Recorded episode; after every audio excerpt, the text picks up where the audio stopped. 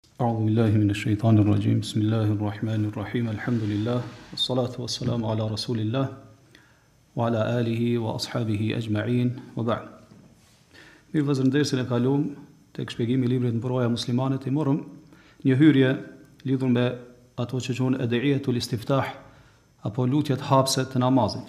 I morëm disa mesele të lidhur me këto, e tash autori këtu rahimehullah na i ka sjellë disa lutje prej lutjeve hapëse me të cilat pejgamberi sallallahu alejhi ve sellem e ka hapë namazin e tij, qoftë namazin e natës, qoftë farzin apo nafilen.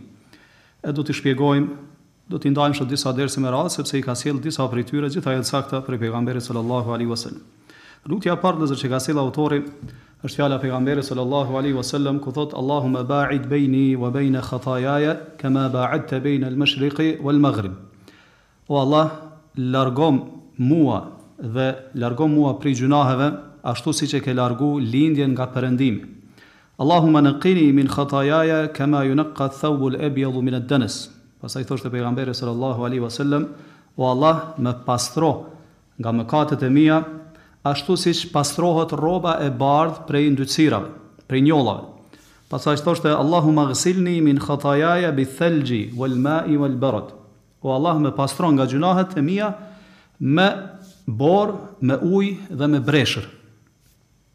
Vëllazër, kjo lutje, lutje madhështore nga pejgamberi sallallahu alaihi wasallam, me cilën ai e ka hap namazin, ka ardhur nga hadithi i Ebu Hurejrës radhiyallahu anhu, siç e kemi marrë në dersin e kalun ku kemi krahasu vëllazër se cila prej këtyre lutjeve është me ma pozit, me ma peshë, për shkak të përmbajtjeve që ajo i ka.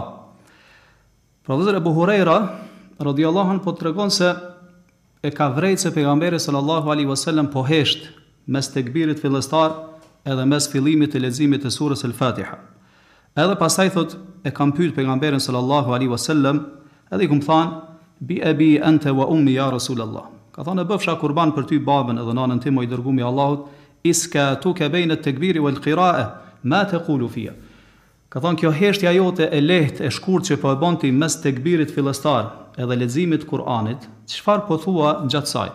Atëherë thotë Pejgamberi sallallahu alejhi ve selem ma tregoi do thotë këtë hadith Allahume ba'id bejni wa bejne khatajaj.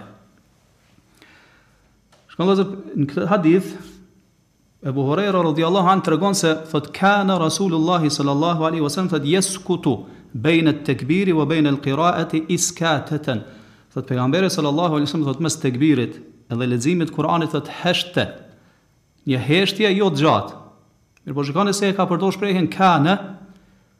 Kjo dijetarët thonë na jep me kuptu se vazhdimisht kështu ka vepru pejgamberi sallallahu alejhi ve selem. Pra kjo fjala arabisht kane tregon për vazhdimësi, kontinuitet, zakonisht është kështu. Pra në shumicën e rasteve.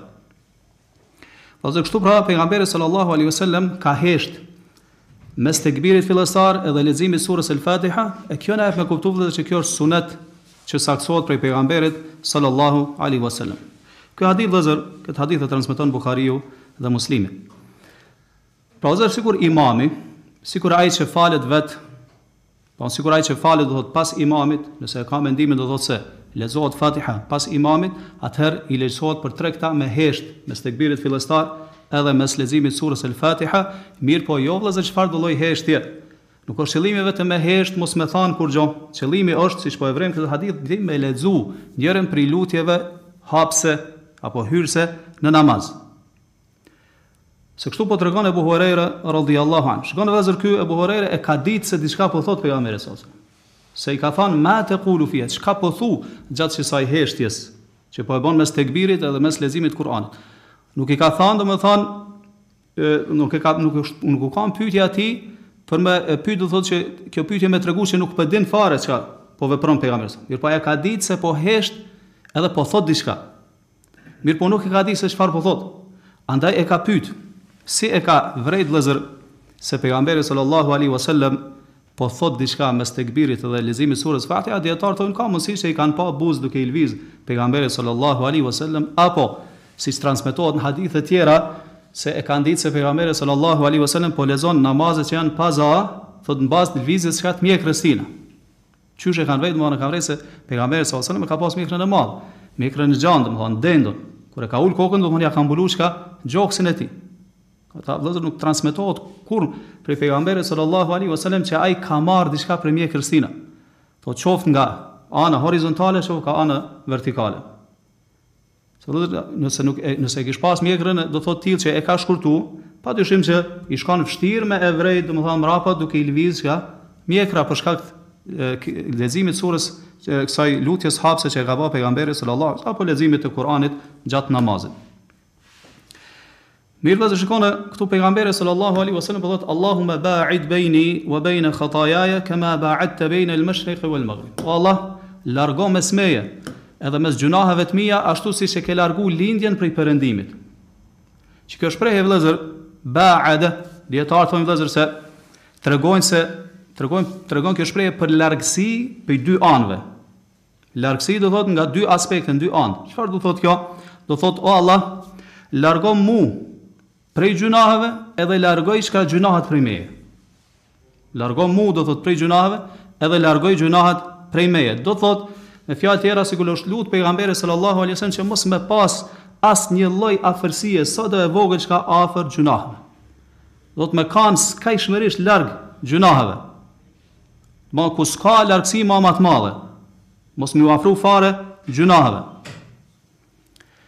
Mirë vëllezër çka është për qëllim këtu me fjalën khatayaja gjynahet A janë për qëllim gjynahet domethanë të cilat pejgamberi sallallahu alaihi wasallam po tregon për ato të kalumet apo janë gjynahet ato të ardhmet që pritet me i ba njeri që kanë të ardhmen, përderisa po lutet që me largu mes tije dhe mes gjynaheve, dyja këto vëllezër thonë dijetarët i përmban kjo fjalë e pejgamberit sallallahu alaihi wasallam. Do të nëse themi, thonë dijetarët se qëllimi është për gjynahet e të ardhmes, cilat pritet që njeriu me i banë të ardhmen, edhe me ra në to, masi caktimi Allahut subhanu wa ta'ala, apo tutet se ka me ra në to, Atëherë thonë, qëllimi i kësaj lutje apo kuptimi i kësaj lutje të Pejgamberit sallallahu alejhi wasallam është që, O Allah, nëse ke caktuar që unë me ra në gjynah, do të thotë çka të ardhmen, atëherë largo mua prej tij. Edhe largo çka gjynahun prej meje. Kjo nëse themi do të thotë qëllimi për gjynahet e të ardhmes. Nëse themi se hadithi interpretohet për gjynahet që njeri i ka ba vëllezër të kalumen, atëherë cili është kuptimi që me të largu Allahu prej tyre, dijetarët kanë thënë me të largu Allahu prej tyre duke t'i fshi vëllezër, tërësisht ato gjyna. Do thotë duke mos i lanë asnjë gjurmë atyne gjynave, çfarëdo lloj qofshin ato. Pra vëllezër, ose është për qëllimi me përmbledh këta që thamë, për gjynahet të cilat ende nuk i ka ba njeriu, do thotë që pritet me i ba në të ardhmen, andaj po e lut Allahun subhanahu wa ta'ala që me largu prej tyre. Do thotë ti mos me ra në ato gjynahe, Ose janë gjynahe që njeri ka ba n't'kalumen, edhe sikur njeri po thotë, o Zot, fal mi këto gjynahe, mbulo mi këto gjynahe, mos m'merr në llogari, do thotë, për gjynahet që ai i ka ba. Shiko vllezër, po thotë pejgamberi sa, siç tham, largo mu prej gjynaheve, ashtu siç e ke largu lindjen prej perëndimit.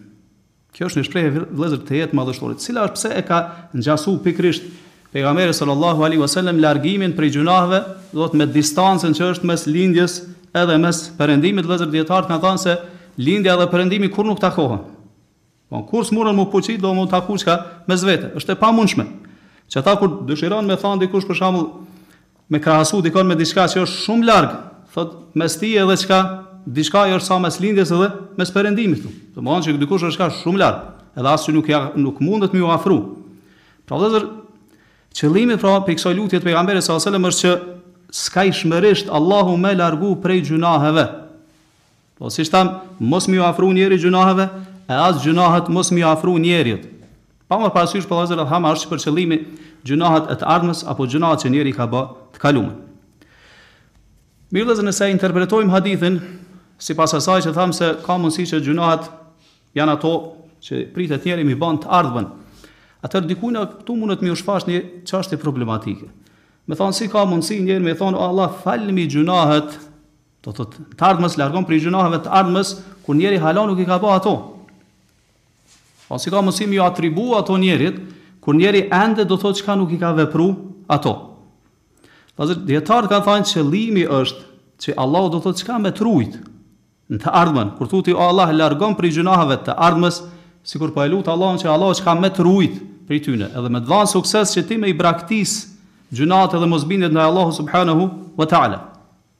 Ndërsa siç thamë nëse është qëllimi për gjynahet që i ke ba në të kalume atëherë lutja e ka kuptimin e kërkimit të faljes prej Allahut subhanehu wa ta'ala.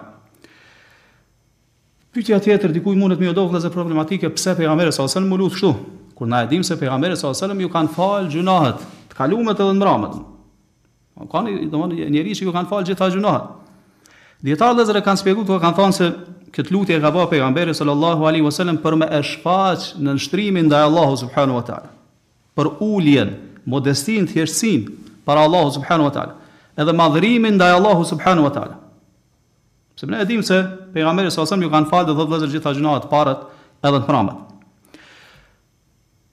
Apo, mundemi me thanë edhe nëse ju kujtohet siç e kemi marrë atje tek mësimi, tek lutjet mas ezanit, kur ne, na ka mësu Pejgamberi sallallahu alejhi ve sellem, me lut që Allahu me ia jep Pejgamberit sallallahu alejhi ve sellem çka, wesilen, edhe fedhilen, po në atë pozitën ma të lartë në xhenet, kemi thanë edhe pse Allahu domethënë ja ka garantu ato, prap neve na ligjësohet me e lut Allahun që me ia jep Pejgamberit sallallahu alejhi ve sellem. Edhe kjo mund të jetë vëllezër ashtu, sipas një interpretimi dijetarëve.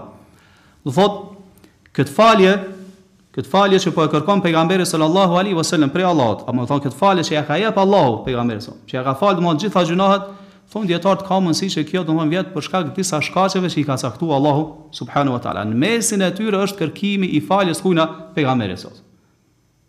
A di vëllazë se Pejgamberi sallallahu alejhi ve selem e ka shpeshtuar shumë istighfarin. Ka ni 70 herë ka thënë mbrenda ditës, ka thënë 100 herë ka bo istighfar, nganjëherë 100 herë veç mbrenda një mexhlisi që ja ka numëruar shokët e tina.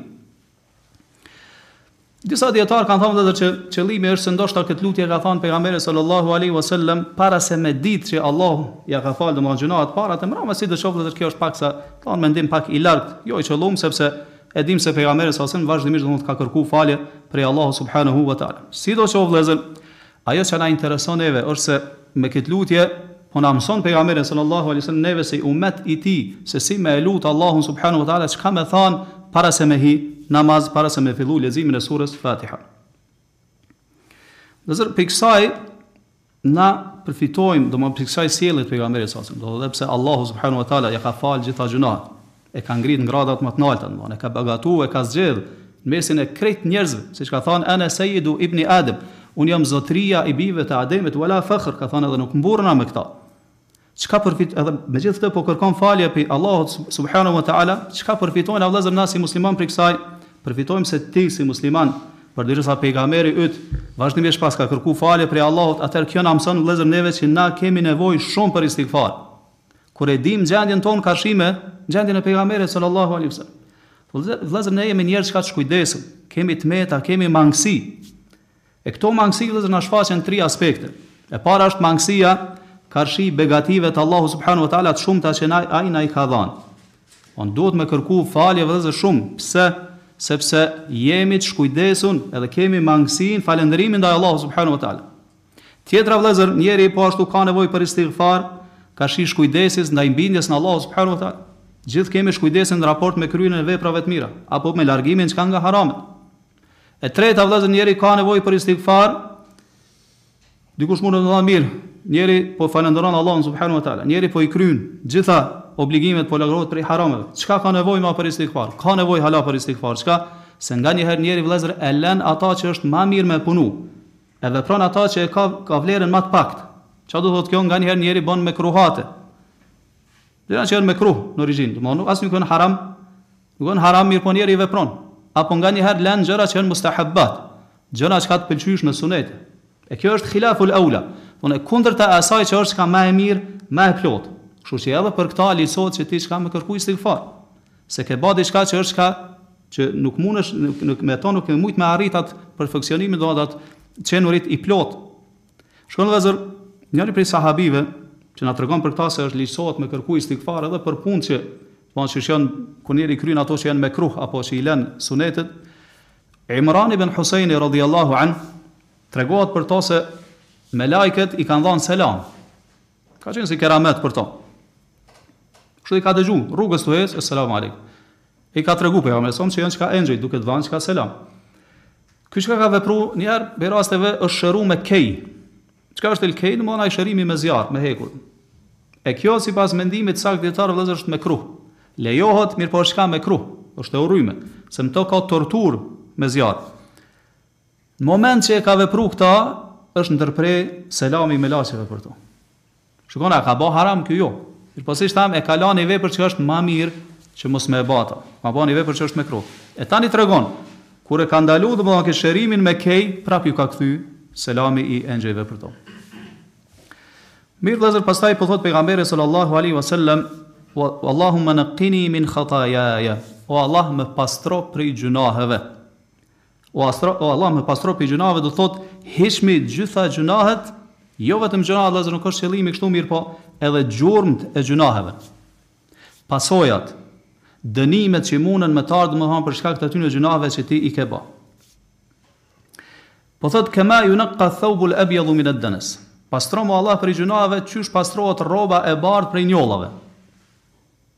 E morëm më herët do të thotë ngjasimin me largësinë mes gjynaheve dhe njeriut me lindjen me perëndimin, tash prapë po e vrejmë se këtu ka një lloj ngjasimi tjetër që e ka përdorur një krahasim pejgamberi sa po thotë pastron prej gjynaheve qysh pastrohet rroba e bardhë prej njollave. Pse vëllezër se rroba e bardhë është e tillë që pak një njollë sado e vogël me ra në to çka menjëherë vrehet. Menjëherë vrehet. Ndryshe nga rrobat vëllezër që janë të zeza për shembull ose janë që janë me ngjyrë.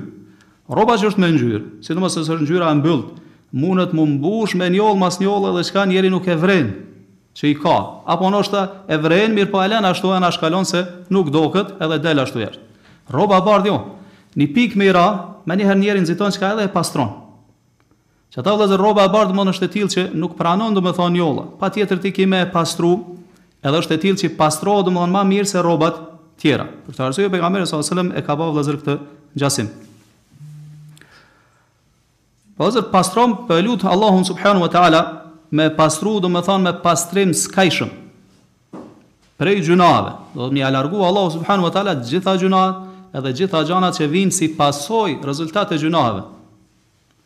A e dini vëllezër se gjynahet domethanë lënë prapa vetes çka pasoja, si në këtë botë si në botën tjetër. Andaj e lut Allahun që me të edhe gjynahën me ta fal, po ashtu edhe me t'i hjek pasojat e gjynaheve, edhe njeri kështu me mbet domethanë i pastër, sikur rroba e bardhë kur pastrohet prej njollave. Do thotë o Allah pastrom skajshmërisht nga të gjitha gjynahet edhe pasojat e tyne.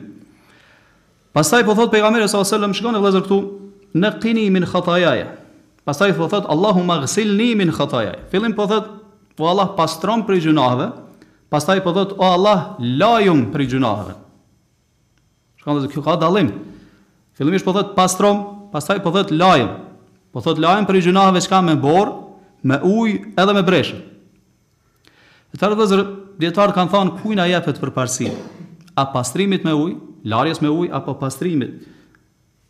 Patjetër vëllezër është ajo që quhet et-tenkije, pastrimi. Pra fillimisht ma e plotë është që m'u hjek ajo pjesa e njollës, pastaj me pasu çka me ujë, me e la çka me ujë. Pse i ka përmend pejgamberi sallallahu alaihi wasallam vëllezër pikërisht kto tria, domthon ujin, borën edhe breshrin. Që me të pastru Allahu subhanu wa ta'ala prej tyre prej gjynaheve. Dijetarët vëllezër i kanë dhanë disa mendime, mendime të shumta kanë dhanë, e do të mundohemi m'u fokusu në ato që janë ma të rëndësishmet, edhe që domethonë munden me ju sjellë dobi juve ma shumë. Disa kanë thanë vëllezër se qëllimi është se nuk është për qëllim domethonë uji si ujë, apo bora si bora, apo breshi si breshi. Kto kanë thonë vetëm janë si, një lloj, me, si shprehje kështu metaforike, kanë thonë qëlimi është që Allah do thotë me të pastru tërsisht. Mirëpo, thotë i ka përmend këto gjana për me tregu se, domethënë, pastrimi është i tillë që është pastrim çka i plotë. Larja është çka larje e plotë. Po, uji, bora, breshi, domethënë ku të bijnë dikun e pastrojnë edhe ma nuk lajnë asnjë njollë prapa tyre. Po sikur këta dijetarë vëllezër po thonë që qëllimi është domethënë me të pastru Allahu skajshmërisht me të la skajshmërisht pa marr parasysh na nuk i shikojmë thotë se çfarë shprehje ka përdorur pejgamberi sallallahu alaihi wasallam. Uji, bora, breshi ka thënë kjo nuk është për qëllim, uji si ujë, bora si borë dhe breshi si breshi, mirëpo është vetëm si qëllim kështu metaforik për me tregu se Allahu do të thotë po të pastron tërësisht dhe skajshmërisht nga gjynahet. Pse thonë vëllezër shikoni se për shembull kur uji, bora, breshi bjen mbi një rrobë, apo rroba kur pastrohet me gjithë këto ujin e këtyre thonë ajo pastrohet çka skajshmërisht. Edhe kështu e kanë nxjerrë vëllezër këtë kuptim. Kanë thënë kështu pra kur të vijnë n'shprehje këto trija dhe të kombinohen bashkë thon këta dijetarë, atëherë gjynaheve nuk i mbetet asnjë gjurmë, edhe fshihen çka tërësisht. Gjynahat edhe pasojat e tyre. Kjo është njëri prej interpretimeve, edhe është ka mundësi që kështu shpjegohet edhe hadithi i pejgamberit sallallahu alaihi wasallam. Mendimi tjetër vëllezër, dietarët kanë thënë jo. Këto shprehje i ka përdorë Pejgamberi sallallahu alejhi ve sellem secilën prej tyre veç e veç, edhe i ka kombinu pastaj njërën pas tjetrës, thonë me na tregu që, domthonë janë shprehje që kihet diçka për qëllim prapa tyre. Nuk janë vetëm shprehje çka metaforike. Andaj ka thënë secila prej këtyre tri elementeve që i ka përmend pejgamberi sallallahu alaihi wasallam ndikon në pastrim apo në një aspekt të caktum të pastrimit të gjynaheve. Pastaj thonë kur bëhen bashkë trijat, thonë vjen ai pastrimi i plotë nga gjynahet. Saqë kanë thonë vëllezër s'munet me pas do të thotë pastrim të plotë nga gjynahet përveç nëse kombinohen këto tria.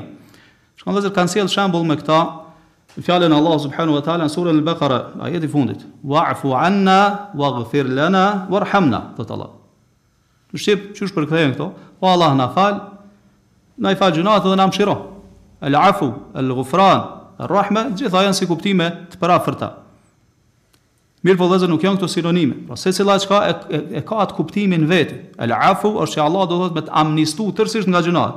El gufran është kur Allahu t'i mbulon gjynat. Pra nuk të bën horr me to çka para njerëzve. Mëshira është domosdoshmë kur Allahu zbret mëshirën mbi ty edhe të mëshiron. Pra të gjitha vëllezër sikur këto tria që po i përmend bora breshëri uji edhe këto tria e kanë kuptimin çka në vete secila prej tyre. E ky është mendimi vëllezër më i përafërt, siç duket e Allahu di më së miri. Vëllezër çka kanë thënë këta dijetarë se çka është lidhja tash mes gjynaheve edhe mes tyre borës, breshit edhe ujit, kanë thënë sikur po don me dhanë shenjë pejgamberi sallallahu alaihi wasallam tek një kuptim i caktuar i pastrimit. E ai është se kanë thënë nëse i shikojmë vëllazër shikoni këto tri elemente që janë përmendur në këtë hadith të pejgamberit sallallahu alaihi wasallam thotë e vërejmë se uji thotë përdoret për pastrim. Ndërsa bora edhe breshi thotë përdoret çka për ftohje. Për mu ftohë njeri. E çka, si për ftohje domethënë edhe freski. E kanë thonë kjo është çka domethënë njëherë pastrimi, pastaj ftohja edhe freskia, kjo kanë thonë është pastrimi ma i plotë, siç do ta marrim inshallah më vonë. Shikoni vëllezër, sipas këtyre dijetarëve pra, që kanë thonë kihen për qëllim kuptimi i secilës prej këtyre triave, thonë që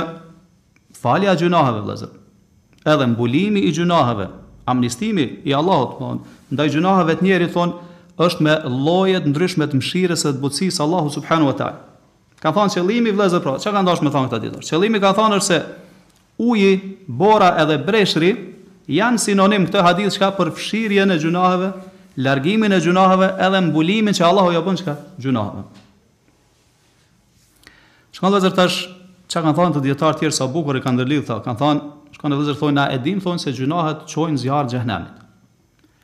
Andaj, thotë, gjynahet në këtë hadith, thonë, e kanë zanë vendin e zjarrit të xhehenemit. Përderisa janë rrugë që të çojnë n'zjarrin e xhehenemit, atëherë sikur në vend të tyne, pejgamberi sallallahu alaihi wasallam u shpreh çka për zjarrin e xhehenemit. E thonë, na e dimë, thonë se zjarri është çka i nxehtë, edhe është që djegë. Andaj thotë për fikjen e zjarrit, shuarjen e zjarrit, ftohjen e tij janë përdorë këto elementë të mëdha me të cilat çka fiket zjarri edhe i hiqet ajo nxehtësia, cilat janë ato, uji, bora çka edhe breshri.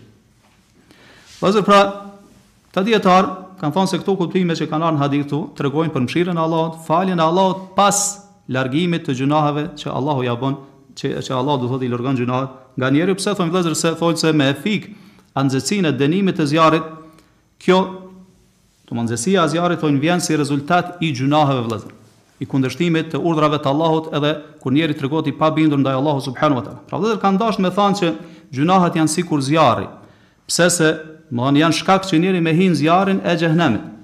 Andaj thot pejgamberi sallallahu alaihi wasallam është shpreh për fikjen e tyre, domethënë për fikjen e zjarrit ka përdor shprehje çka larjen me ujë. Fillimisht, pastaj ka përdorë shprehje alamet të plota që janë karshi nxehtësisë zjarrit, që e kundërshtojnë nxehtësinë e zjarrit, çka është ajo bora çka edhe breshri, bora edhe edhe breshri, duke fillu prej asaj që është më e ulët e duke u ngjitë çka më lart, fillimisht me ujë, pastaj me borë çka, pastaj çka, me breshër.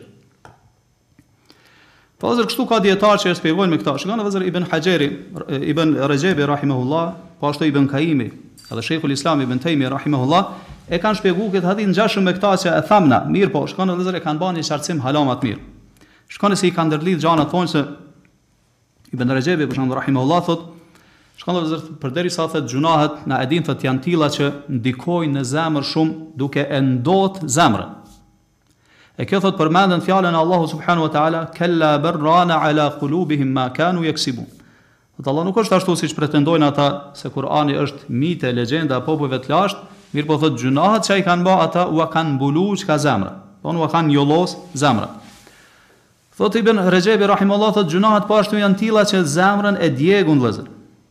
Po shkaktojnë djegie në zemër. Andaj thotë kjo dua, thotë pejgamberi sallallahu alaihi wasallam na mëson neve që me kërku prej Allahu subhanahu wa taala me të largu ty prej gjynaheve me largim çka të skajshëm, siç thamë mes lindjes edhe mes, sa distanca mes lindjes edhe mes perëndimit. Dhe qëllimi thotë është vëllezër që ti me kanë larg nga ndikimi i gjynaheve, dhe ti edhe larg nga ndëshkimi pasojat e gjynaheve në këtë botë dhe në botën tjetër. Pastaj thotë po ashtu thotë Pejgamberi sallallahu alaihi wasallam ka kërku prej Allahut që Allahu me ia pastru zemrën nga njollat e gjynaheve, ashtu siç pastrohet siç e morëm rroba e bardhë nga njollat, e po ashtu thotë ka kërku që Allahu subhanahu wa taala thotë me e fik atë nxehtësinë që dhe zjarrin dmth që gjynahet e shkaktojnë zemër në zemrën e njerit, thotë me gjërat më madhështore, më të rëndësishme për këta që ekzistojnë jetën e kësaj bote, e që e freskojnë zemrën që është uji, bora edhe breshri.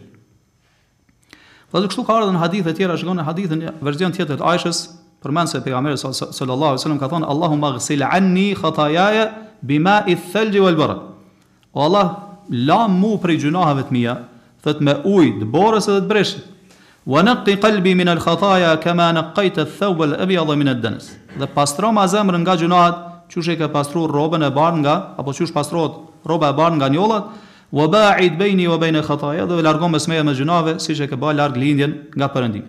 Po ashtu vëllezër kjo lutje thuhet edhe ku në lutjen e xhenazës. Në mesin e lutjeve, na që lutemi për të vdekurin themi lutemi që Allahu me e la çka me ujë, me breshër çka edhe me borë, dmth me e la nga gjynahet. Shikoni vëllezër tash, kjo lutje thamë thuhet në hyrje të namazit, kur njeri dmth çka e hap namazin e tij lutet me këtë lutje madhështore. Pse, thotë Ibn Rexhebi vëllezër rahimehullah, thotë, thotë sepse pesë namazet vëllezër, siç e dimë thotë i fshin gjynahet edhe gabimet e njerit. Thotë Allahu ve ekimi salate tarafejin nehari ve zulefen minel lejl. Fale namazin në dy skajet e ditës edhe në një pjesë të natës, dmth gjatë 24 orëve, thotë pse innel hasenati judhhibne sejjiat. Sepse veprat e mira i shlyjnë çka veprat e këqija. Andaj vëllezër thotë se kur njeri vëllezër e fal namazin farz ashtu siç kërkohet prej tij, kjo bën thotë që patjetër ai me kanë larg gjynaheve. Patjetër ki me kanë larg gjynaheve. Po ashtu bën që patjetër Allahu me të pastru tërësisht nga gjynahet. Thotë se dim thotë Ibn Rexhebi se Pejgamberi sallallahu alejhi ve sellem ka sjellë shembullin e pesë namazeve me shembullin e një njeriu i cili para shpisë tij e ka një lum i cili rrjedh edhe lahet pesë herë ndite mbrenda atij lumi. Edhe i ka pyet shokët e vet, çfarë mendoni thotë nëse njëri lahet kështu pesë herë mbrenda ditës, a mbetet ndonjë prej ndytësirave e njollave në trupin e tij? Kanë thonë jo. Ka thonë kështu është shembulli i pesë namazeve, përmes tyre Allahu çka i pastron gjynahet nga robi i Allahu subhanahu wa taala. Pastaj thot vllezër Ibn Ibn Rexhebi rahimahullah, thot kështu është puna thot edhe me borën, edhe me breshin, thot kjo bën patjetër që me e ftoh, domethon atë nxehtësinë me e fik, nxehtësinë në zemrën e njerit që e shkaktojnë gjynahet edhe kështu thot vjen deri tek fikja e saj me ujë, me borë edhe me breshën.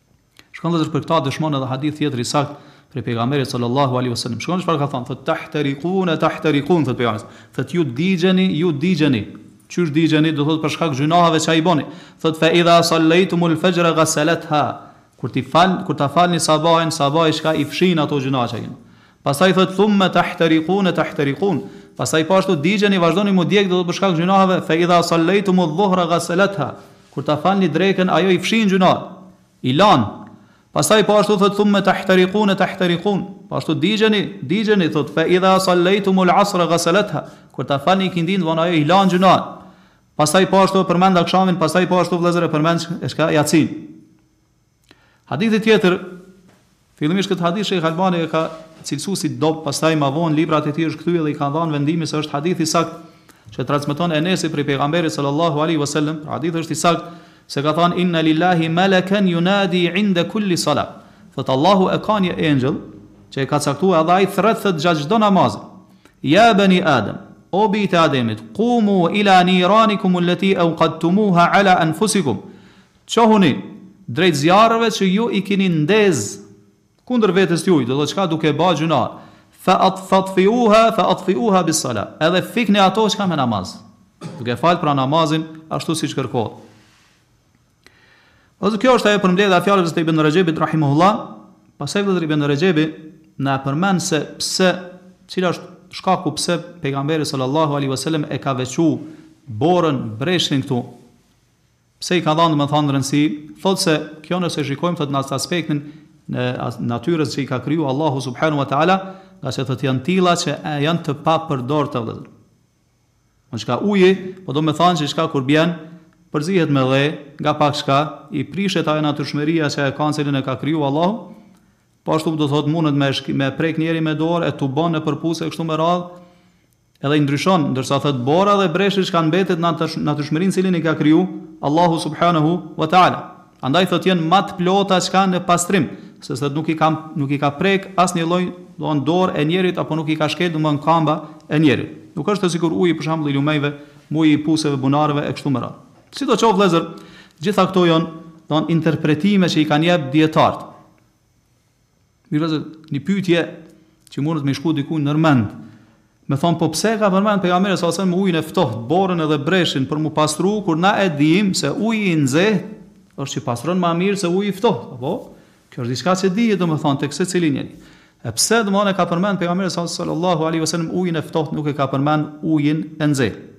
Mundemi me thanë vëllezër se, siç thamë, gjynahet shkaktojnë çka nxehtësi në trupin e njeriut. Andaj ajo që i përshtatet ma shumti nxehtësisë çka është vëllezër freskia, edhe çka të ftohtit. Shtoja kësaj përgjigjen e Ibn Kaimit rahimehullah, tregon Ibn Kaimi vëllezër se për pikërisht për këta e ka pyet shejhun e vet, mësuesin e vet Ibn Tejmin rahimehullah, edhe i ka thanë,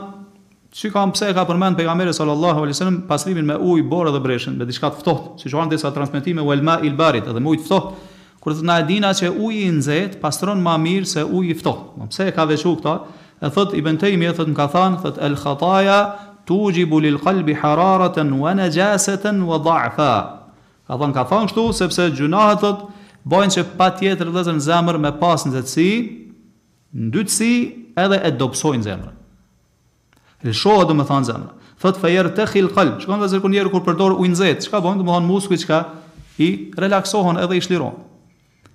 Kështu që thot, për shkak të kësaj thot Ibn Tejmije, thot i ndizet zjarri i epshit në zemër, për shkak të gjynaheve, thot edhe e ndyt zemrën. Andaj thotë, gjynahet, thotë, edhe gabimet, mosbindjet ndaj Allahut subhanahu wa ta'ala, thotë janë sikur ata drut, landa djegëse me të cilën njeri çka e ndez zjarrin. Andaj thotë Ibn Tejmije, sa ma shumë që shtohen, domthonë gjynahët e njeriut, po ashtu thotë shtohet edhe zjarri në zemrën e njeriut edhe e dobëson hala ma shumë çka zemrën e njeriut. Andaj thotë uji thotë e pastron atë papastërtinë dhe e fikë atë zjarr, e nëse është thotë i ftohtë, shikoni çfarë dobie thotë, nëse është i ftohtë thotë kjo bon që trupi me kanë çka ma solid, ma i fortë edhe me kanë ma i qëndrueshëm edhe ma ma i fuqishëm. Pastaj thotë nëse ia shton kësaj thotë, kësaj thotë borën edhe breshin kjo thotë e freskon hala ma shumë trupin edhe trupi bohet çka ma i fortë edhe ma solid edhe ma i qëndrueshëm. Shikoni vëllezër, po përmend këtu Ibn Tejmije në këtë përgjigje se shkak, domethanë, për dobësi t'zemrës, lëshimit t'zemrës s'njeriut, në aspektin kuptimor, qenkan çka gjynahet. Tash po e vren që të ftohtit, nëse gjynahet çka, po shkaktojkan nxehtësi në zemrë, atëherë të ftohtit, po e shtrëngojka trupin edhe zemrën, po e bojka ma të fortë, ma të qëndrueshëm, ma solid.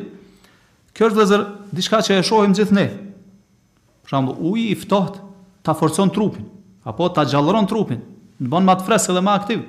Për shembull, do ndryshe nga uji i nxehtë. Dikush nuk mundet me flajt gjatë natës, s'e merr gjumi. Çka bon? Shkon lahet me ujë të ftohtë apo me ujë të nxehtë? Me ujë të nxehtë, me ujë të ngrohtë. Mënyrë që çka me iu relaksu trupi, pastaj çka e merr gjumi ma mirë.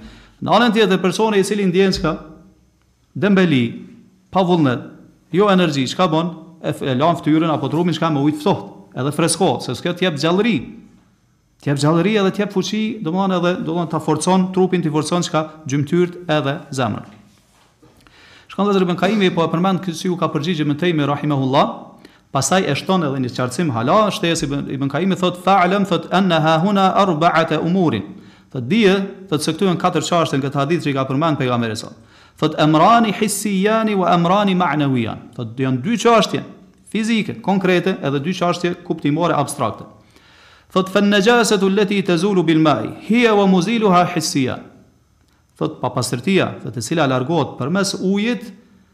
Thotë, ajo, edhe uji që e largon dyja janë çka konkrete fizike. Pastaj thotë, wa etheru al-khataya allati tazulu bit-tawba wal-istighfar, thotë, hiya wa muziluha ma'nawiyan. Thotë, gjynahët, thotë, të cilat, së bashku me gjurmët, gjurmët e tyre, pasojat e tyre largohet me tawbe dhe me istighfar, sikur gjynahet, sikur ajo çka i largon janë, kanë bëjnë me aspektin kuptimor, abstrakt. Shikoni vëllezër, pastaj thotë dyja këto duhet mu ba bashkë thotë Ibn Qayyim. Thotë wa salahul qalb wa hayatuhu wa na'imuhu la yatimmu illa bi hadha wa hadha.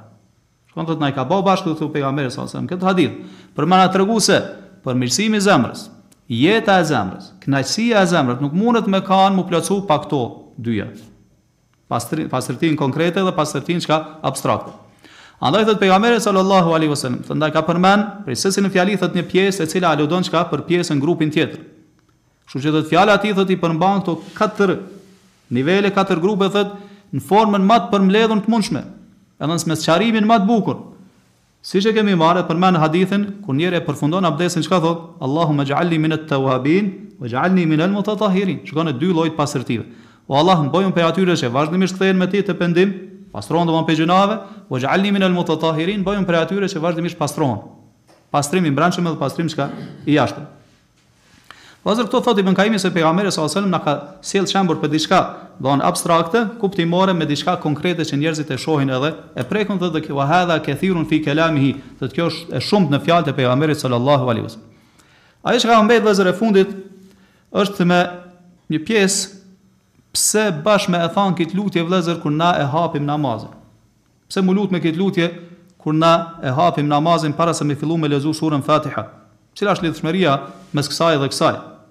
Na përgjigj vëllezër Ibn Hafidh Ibn Rexhebi Rahimehullah na jep domethënë një kuptim shumë të këndshëm thotë pasi që namazi thotë vëllezër është lidhje mes njeriut edhe me Zotit tij edhe thotë namazfalësi thotë gjatë namazit thotë fol fshehtazi me Zotin e tij me krijuesin e tij E kjo bën që pastaj Allahu subhanahu wa ta'ala me afru afër vetes.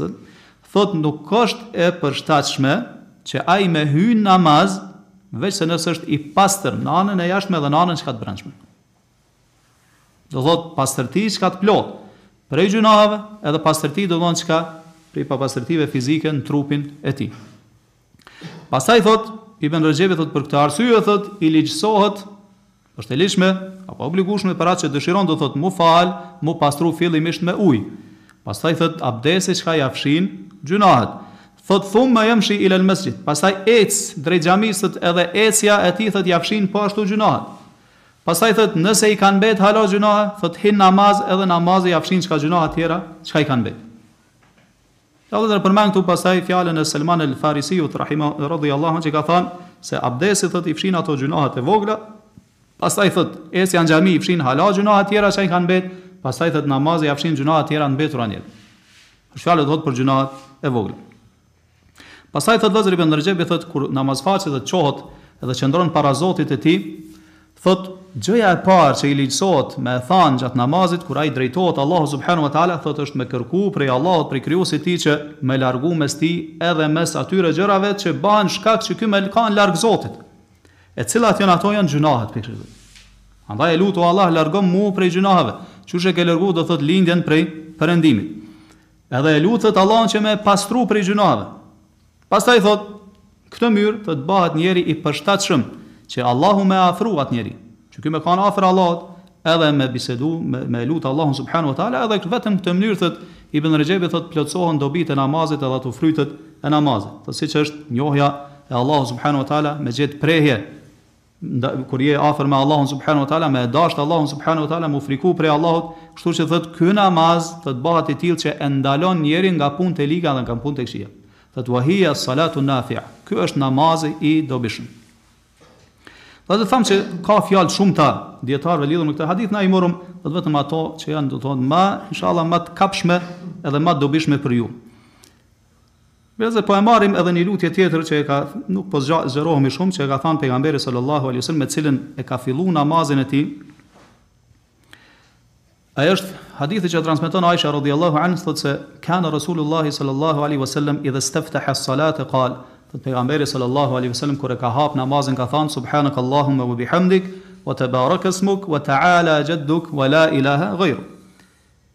I pa të meta, i lartësuar nga të gjitha të metat je Ti, o Allah, dhe Ty të takon çdo lavdë e falënderim, i bekuar është emri Yt, e lartë është madhështia Jote dhe nuk ka të adhuruar me të drejtë përveç Teje, o Allah.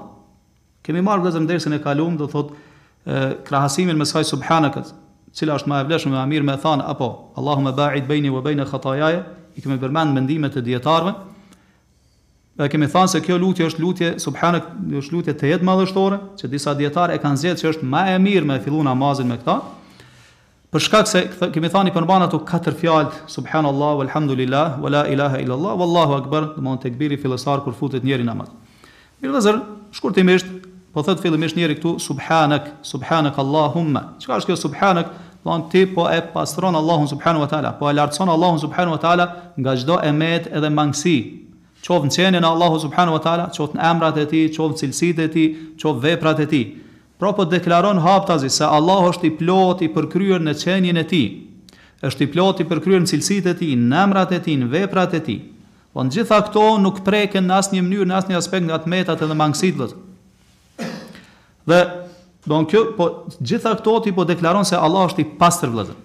E qat kjo përmban në vete vëllazër po ashtu se Allah është i lartësuar edhe i pastër nga ortakët, nga shokët. nga partnerët, që quhet ajo në terminologjinë fetare shirk, qoftë në rububijjen e Tij do të thotë zotrimin e Tij, qoftë në uluhijjen e Tij në adhurim apo qoftë në emrat dhe cilësitë e Tij të larta. Po pse, se qenia e Allahut subhanahu wa ta'ala nuk i ngjason qenieve të tjera. Veprat e Allahut subhanahu wa ta'ala janë të plota, janë perfekte në çdo aspekt. Emrat e tij janë El Husna, çka do thotë Husna, jo të bukur, por janë emrat më të bukur, në gradën më të lartë, domethënë çka të bukurisë, edhe të përsosmërisë. Janë emra që përmbajnë në vete çka cilësitë më të larta vëllezër. Ky është pra kuptimi kur thu ti subhanallah. Pastaj wa bihamdik, shikoni, subhanakallahumma wa bihamdik. Çfarë kjo wa bihamdik do thotë o Allah, Unë Ty po të lartësoj, po të pastroj nga t'metat, duke ia bashkangjitë këtij tesbihi çka edhe hamdin, tahmidin, duke thanë edhe Elhamdulillah. Kemi thanë vëllezër, kemi përmend n'derset e kalume çka është Elhamd. Kemi thanë Elhamd është kur njeriu ia atribon Allahut subhanahu wa taala gjitha cilësitë e përsosmërisë.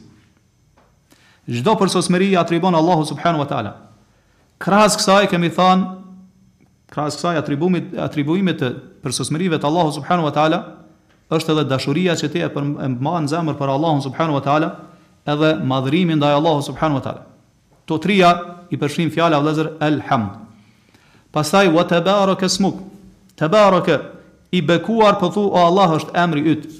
Do thon të shumta janë bereqetet e emrit tënd o Allah. Se fjala baraka vëllezër tregon se të mirat, hajratet janë të qëndrueshme, po ashtu janë të shumta, janë të shpeshta, edhe vazhdimisht rriten, vazhdimisht zhvillohen, vazhdimisht shumohen edhe shpeshtohen. Vëllezër, po thu ti se